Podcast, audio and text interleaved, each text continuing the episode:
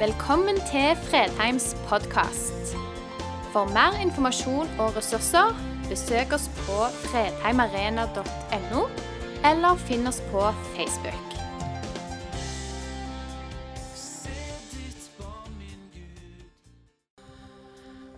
Før vi går i gang med å lese en spennende tekst, så har jeg lyst til at du skal ta et lite sånn tankesprang.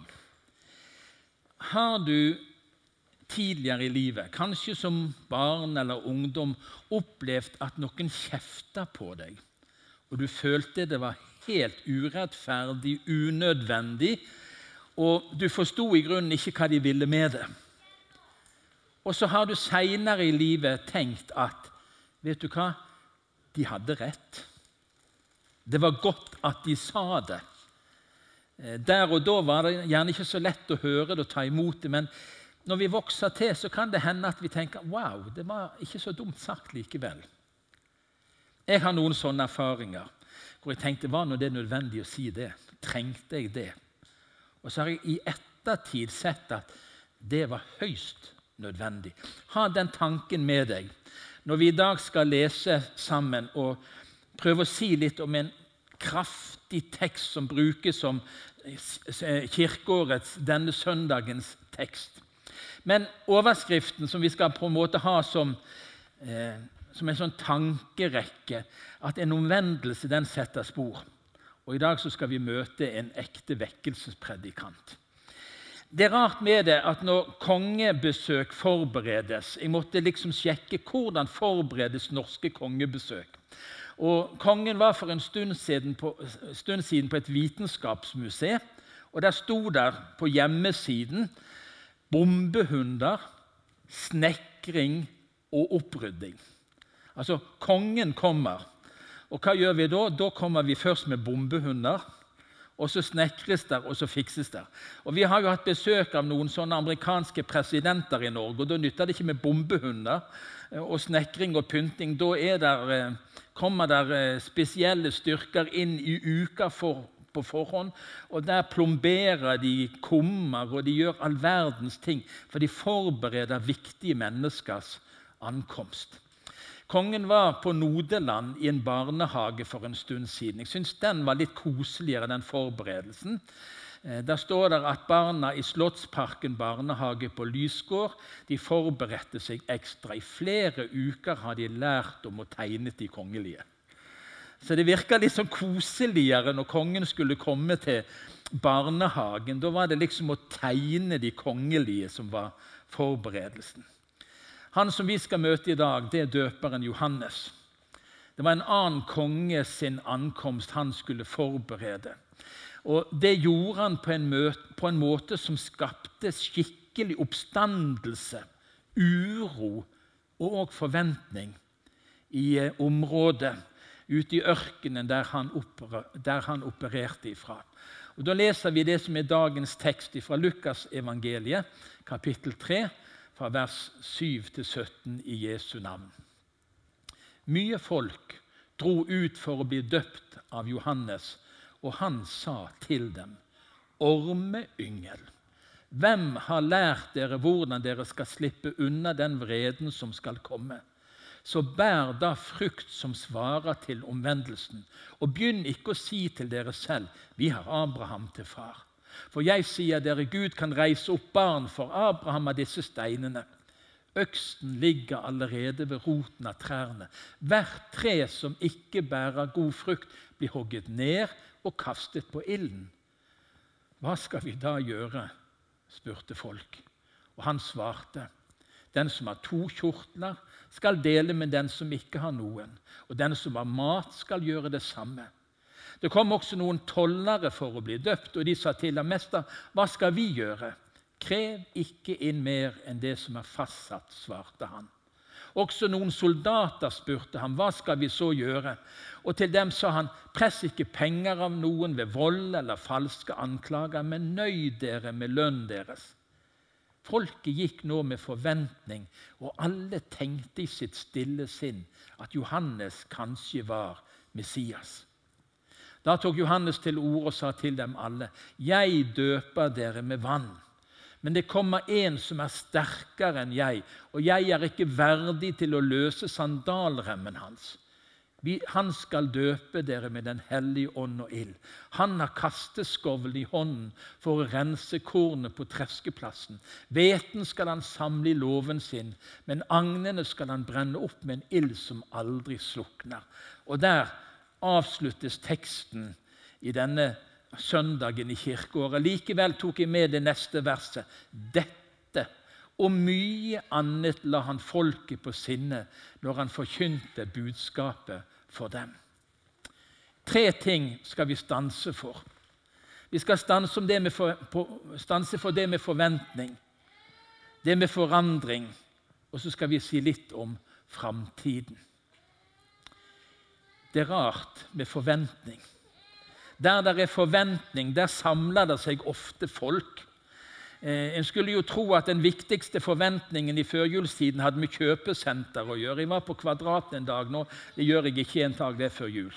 Det var kaos. Der var det kø. Der var det mye folk. Eh, jeg vet ikke hvor mye forventninger det var. Det var mye stress i alle fall. Men det er rart med det når det skapes forventning, og det var det skapt rundt Johannes. På en sånn måte at folk si, storma ut for å møte han. Folket gikk med forventning, og alle tenkte i sitt stille sinn at Johannes kanskje var Messias. Og Da er vi inne i den kulturen som er annerledes enn vår. Jødene hadde i generasjoner venta på han som skulle komme og sette de fri. De hadde i generasjoner hørt om Messias som skulle komme og gjøre noe nytt og skape nye vilkår, nye livsvilkår, sette de fri på måter som de lengter etter.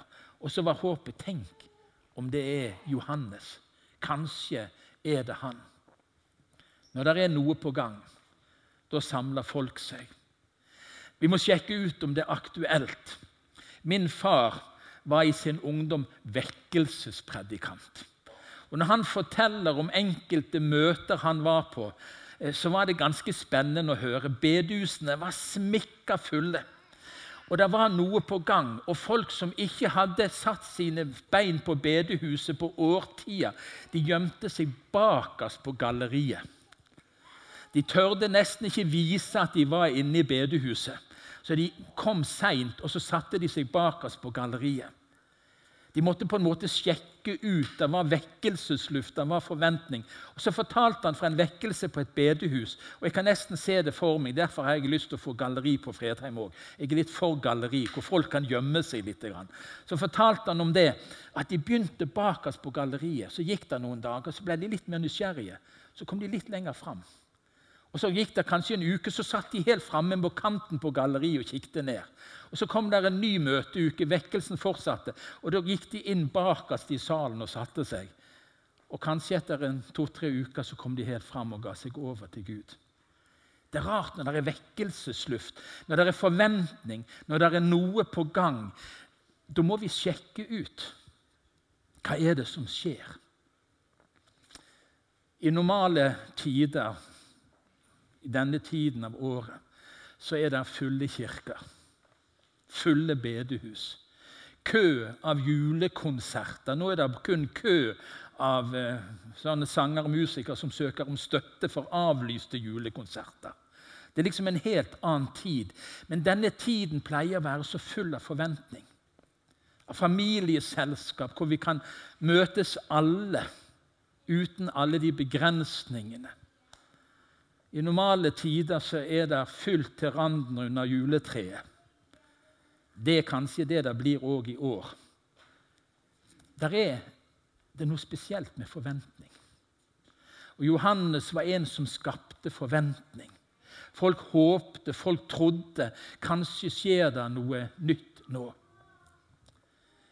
Men i vekkelsestider så kommer det et nytt spørsmål. Var dette det hele? Er det sånn julen vi har feirt i alle år, hvor det handler om å gi og få og kjøpe og, og si samles bare sånn som familiært? Er, er, er, det noe mer? Og Det har vært min bønn. Tenk om vi begynte å stille spørsmålet. Fikk den forventningen det må nå være noe mer i alt dette. Og så skjer det noe forandringer i sånne tider. Det er rart hva folk tåler å høre.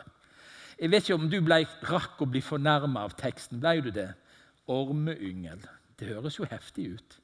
Tenk hvis jeg hadde stått her på preikestolen og sett utover forsamlingen og sagt ja, velkommen en flokk av ormeyngel. Jeg regner med dere kanskje hadde gått midt i prekenen. Men av og til så sies det noe for å få oss til å tenke annerledes. Av og til så trenger vi å ristes litt for å komme ut av våre vante tilnær, de tankene som har bundet seg fast. Av og til er det noen som må ta litt tak i oss, og Johannes var en sånn. Han snakket rett ut av posen, som vi sier. Og så folk lytta. Massevis av folk samla seg. Og Så kommer budskapet som han sa til disse menneskene. Hva skal vi gjøre? spurte folk. Og så sa han til alle del med andre. Del med andre. Hvis du virkelig ønsker å ta imot Gud, leve et nytt liv, så får det konsekvenser, sier Johannes. Del med andre. Til tollerne som var litt kjappe til å ta litt for mye, så sa han ikke krev for mye. Til soldatene som var i en maktposisjon som de så lett misbrukte, ikke misbruk makten. Ikke utnytt situasjonen. Du skjønner det, Hvis du virkelig vil forandre livet ditt, hvis du virkelig tar på alvor det at nå er det noen som taler inn i ditt liv, så skaper det forandring. Det må skape forandring. En sann omvendelse og en sann tro setter dype spor. Mye med oss er likt. Vi forandrer ikke utseendet. Det er liksom ikke sånn at alt blir nytt på én dag, men det begynner en prosess i oss hvor vi ønsker at dette som vi har hørt, dette som har utfordra oss, det setter dype spor i oss. Og så var Johannes dramatisk utfordrende. Han sa liksom til disse her som kom i kø, liksom istedenfor å tenke 'wow, her kommer de', for en mulighet, så avslørte han dem. For disse folkene som kom til han, de sier vi har jo Abraham til far. Johannes. Vi har alt på det tørre. Alt er i orden med oss. Ikke vær noe så dramatisk, ikke vær noe så Ikke overdriv. Vi er jo jøder, vi har Abraham til far. Alle løftene gjelder oss. Og så er det liksom som man avslører dette totalt.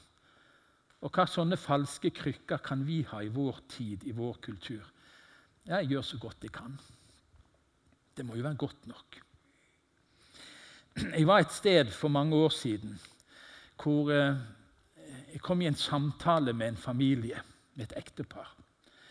Og De fortalte det at de trodde de var kristne. Eh, ja, Så kjekt, sa jeg. Hva, hva, hva er troen deres? Skal inneholde den? Og så sa de man skal ikke plage andre, men skal være god og snill. Og for øvrig kan man gjøre hva man vil. Du, du tror sikkert jeg tuller nå, men de sa dette ordrett. Troen var på en måte å være snill og være grei. Og så var det, det forunderlige var at de sa etterpå Og dette tror alle vennene våre òg. Kanskje det er noen på Fredheim eller noen som sitter hjemme som tenker at hvis de bare gjør så godt de kan Det holder ikke. Ikke i møte med Johannes sin forkynnelse. Det holder det ikke. Jeg er ikke verre enn andre. Den, den kan jo være enda bedre. Jeg har jo oppført meg ganske godt. Eller vi kan ta enda hardere. Jeg går jo i kirken når det passer. På julaften er det fullt. Fantastisk. For en mulighet. Gudstjeneste etter gudstjeneste, sprengfull av mennesker, som var der i fjor og i forfjor. Johannes utfordrer. Johannes taler sannhet. Så taler han sannhet til mennesker som egentlig definerer seg innenfor. Han taler sannhet inn i mitt liv. Runar, er du så sikker på det? At det er rett med deg? Er du virkelig omvendt? Eller har du noen falske krykker? Ja, Du er født og oppvokst i et kristent hjem. Du har vært predikant i 40 år. Det må jo holde. Nei, det er ikke det troen handler om. Av og til må vi vekkes litt. Noen må riste i oss. Johannes forkynner en sannhet som virkelig kan sette fri. Vi leser om Johannes flere steder i Det nye testamentet. Han forkynte òg andre ting. En gang så sa han 'Se Guds lam, som bærer bort verdens synd'. Det er den eneste krykken som holder. Det er den eneste troen som bærer. Det er den eneste muligheten du har og jeg har til å få lov å være et Guds barn og være trygge på at vi hører Gud til. Det handler ikke om hvor flinke vi er, om vi er bedre enn andre, om vi oppfører oss snilt. Det er falske krykker. Det er bare én ting som bærer. Det er at vi får et møte med Jesus, som Johannes forkynte, som Johannes pekte på. Og så setter troen spor i de menneskene som har møtt Jesus. Og så forkynner Johannes om en framtid. Han er en av de flotteste forkynnerne som vi møter i Bibelen. Han samler massevis av folk. Han kunne ha ridd på en popularitetsbølge, han kunne ha blitt stor i egne øyne.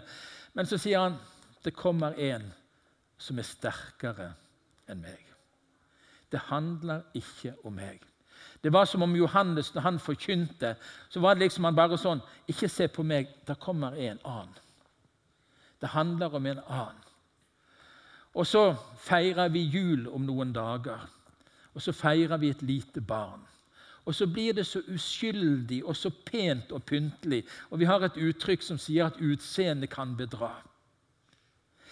Vi kan se oss blinde på det lille barnet i krybben og tenke noe så koselig. Noe så stemningsfylt. Noe så rørende. Men Jesus er så mye, mye mer. Han ga avkall på sitt eget. I krybben så ser vi en Gud som bøyer seg ned og blir et menneske.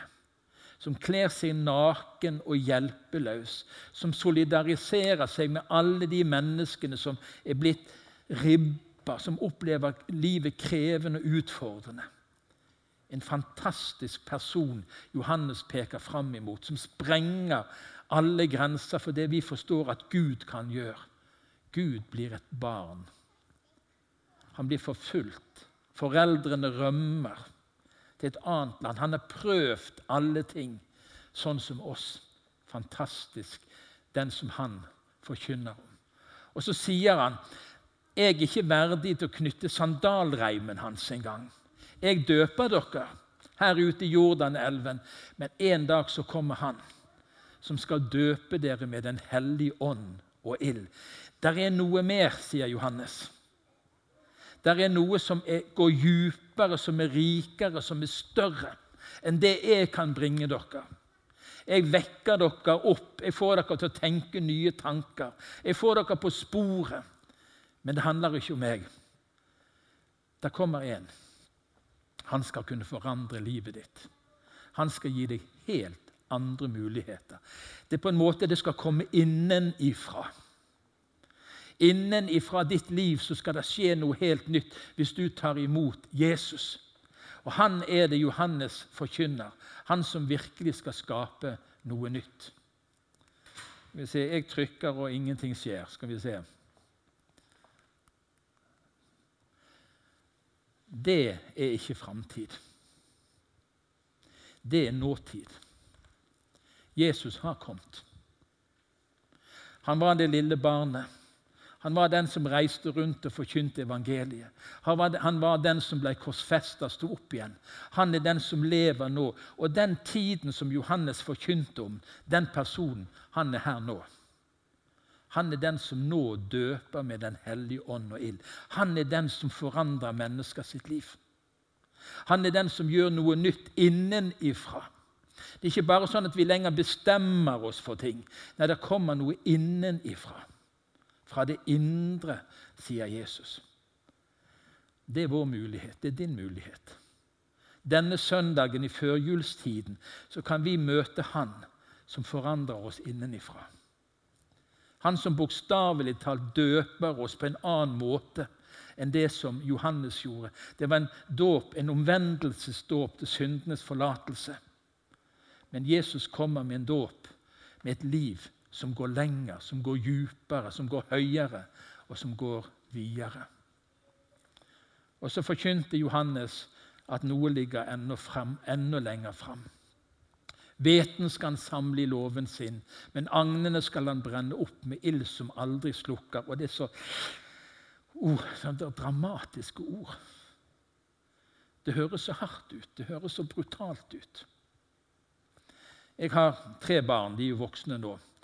Og Noen ganger så, måtte jeg snakke litt hardt til dem. Kanskje et par ganger hver. Nei, det var nok sikkert litt flere. Det var noe som ikke var på plass i livet. Og min kjærlighet som far gjorde at jeg måtte korrigere. At jeg måtte si noe, veilede. Og det ble ikke alltid tatt godt imot. Og Jeg husker ennå datteren min som eh, syntes jeg var helt håpløs. Far, du er jo helt håpløs når du var 13-14-15 år. Jeg var helt umulig. Så ble hun 18-19 som sa hun, far, du har forandra deg. sa hun.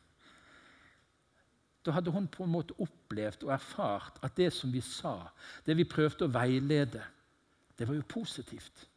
Det var til hennes beste. Johannes kan høre dramatisk ut. Det kan høres krevende ut. En dag, sier Johannes, det kommer en dag som ligger der framme i framtiden, hvor han, Jesus Kristus, han som ble født som et barn, han som ga sitt liv, hvor han er den som er nøkkelen til hvordan det går med oss. En av de gamle bedussangene det sier om denne framtiden. Se, han kommer. Han som alle tiders floker løse kan. Fredens morgen uten skyer bryter inn. Der tegnes det et annet bilde. Det er det Guds folk lengter etter, de som har tatt imot de som har tatt imot Jesus, de som har sett han som Johannes pekte på og forkynte. Det er en annen framtid han forkynner og formidler. Han som alle tiders floker løse kan. Han som kommer med fred, han som kommer med trygghet. Han som tar bort alt det som er vanskelig, krevende og hindrende, og gir oss en helt ny framtid. Det er ikke rart at folk spurte hva skal vi gjøre. Hva skal vi gjøre? Og Sånn har folk spurt i vekkelsestider, i generasjoner. Hva skal vi gjøre? Første pinsedag, når Peter sto fram og talte, så sa folk, 'Hva skal vi gjøre, Peter?' Omvend. Tro, la dere døpe. Og Folk har sagt det i kirker og bedehus i generasjoner. Hva skal vi gjøre med dette budskapet? Hva skal vi gjøre med Jesus? Hva skal vi gjøre med Han som kom som det lille barnet? som endte på et kors. Hva skal vi gjøre med han? Det var en fangevokter i Filippi. Eh, Paulus Silas var i fengsel. Eh, de var bundet i det innerste fangehullet. Det kommer et jordskjelv, og lenkene de, eh, de, løsner. Og Mens de er der inne i det innerste fangehullet, så står det at de holdt bønn og sang lovsang. Fangevokteren trodde at det var ute med han, for fangene ble satt fri. Og så spør han hva skal jeg gjøre, Paulus. Hva skal jeg gjøre? Og så sier Paulus i apostelgjerningen kapittel 16.: Tro på Herren Jesus, så skal du og alle i ditt hus bli frelst. Og Det er et av de nydeligste ordene jeg finner i Det nye testamentet. Tro på Herren Jesus. Ikke ta deg sammen. Gi opp ditt eget strev. Ta imot Jesus. Så skal det skje noe i ditt liv som skal få berøring i hele ditt hus, i hele din familie. Hvor du er, det vet jeg ikke. Hva du tenker, det vet jeg ikke. Men det å lese denne jeg, vekkelsespredikanten sin utfordring har i alle fall fått meg til å stille spørsmål. Runa, er du så sikker på det? Om jeg ikke er Abrahams barn, så er jeg min fars barn. Predikantfamilie. Nei, men det holder ikke. Det er ikke det det handler om. De falske støttene ryker i vekkelsestider. Og Da er det bare én ting som står igjen. Hva gjør vi med Jesus? Han som kom som et lite barn.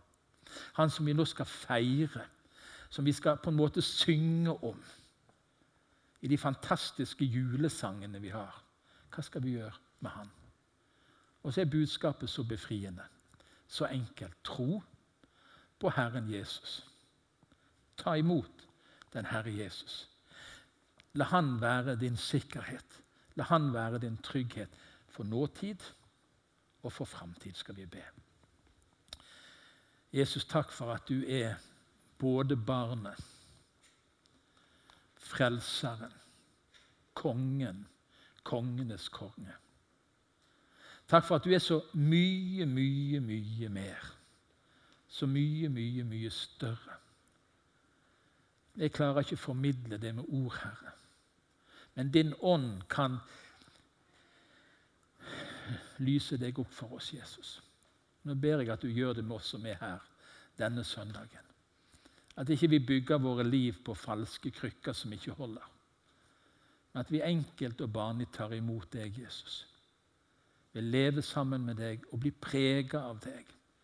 At en tro som setter spor, vokser fram i våre liv. Takk for julen vi skal få lov å feire og ha forventninger til. Vi skal få lov å synge om deg, Jesus, som kom, som ble et barn, ble et menneske. Ble prøvd på så ufattelige måter. Som ble forlatt, som ble forfulgt, som ble korsfesta. For at vi skulle få liv, for at vi skulle få tro, få lov å være Guds barn. Vi priser deg, Jesus. Vi ærer ditt navn. Amen.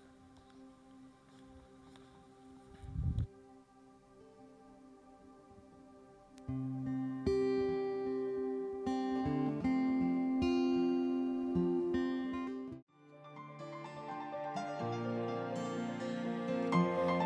du valgte å høre på.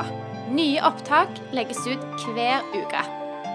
Vi har gudstjenester hver helg, og du er hjertelig velkommen.